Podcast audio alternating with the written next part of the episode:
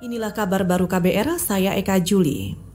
Saudara, pemerintah berencana mendesain kembali rancangan anggaran pendapatan dan belanja negara atau RAPBN 2021 dengan memangkas 300-an program di kementerian dan lembaga. Dalam rapat dengan DPR, Menteri Keuangan Sri Mulyani menyebut desain ulang program di kementerian dan lembaga itu untuk efisiensi anggaran APBN yaitu selama ini di dalam APBN kita itu ada 428 program. 428 program. Karena program itu identik dengan unit eselon 1 jadi kalau satu kementerian eselon satunya ada lima dia punya lima program. Padahal mungkin dia nggak perlu lima program. Programnya adalah untuk men mendukung apa yang menjadi prioritas nasional. Kami sudah mensimplify menjadi 102 program Menteri Keuangan Sri Mulyani mencontohkan di APBN 2021, Kementerian Keuangan hanya akan menjalankan 5 program dari 12 program yang direncanakan.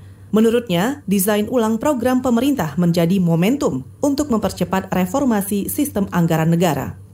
Saudara Asosiasi Pengusaha Indonesia APindo menyatakan banyak kalangan pengusaha belum bisa bangkit 100% meski saat ini sudah memasuki masa transisi atau pelonggaran. Ketua Kebijakan Publik Apindo Sutrisno Iwantono menyebut roda perekonomian juga belum bisa merangkak naik akibat pandemi COVID-19 saat ini aja kita belum bergerak kok. Kondisi ekonomi sampai saat ini, masih susah untuk bergerak. Dulu kita katakan cash flow kita sampai Juni. Kelihatannya sampai Juni tadi kita bicara-bicara agak susah juga, lebih cepat dari dari Juni. Dan kemudian juga dari sisi pengusaha-pengusaha di sektor-sektor itu pada umumnya mereka juga belum bangkit gitu. Masih bekerja di bawah 30 persen. Ketua Kebijakan Publik Apindo Sutrisno Iwantono menambahkan, susahnya perekonomian nasional disebabkan karena matinya aktivitas perusahaan di beberapa sektor saat masa PSBB.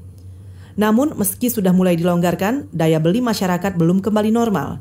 Ia menyarankan pemerintah fokus membuat kebijakan untuk meningkatkan pendapatan masyarakat, sehingga daya beli masyarakat turut meningkat dan berdampak pada merangkaknya roda perekonomian. Kita ke berita olahraga. Barcelona kembali memimpin klasemen La Liga Spanyol sekaligus menggusur Real Madrid setelah meraih tiga poin saat menjamu Atletik Bilbao dini hari tadi. Sang juara bertahan menjalani pertandingan yang cukup alot menghadapi Atletik. Kendati sempat memiliki peluang dari Luis Suarez dan Lionel Messi, tim tamu tampil cukup disiplin dalam bertahan.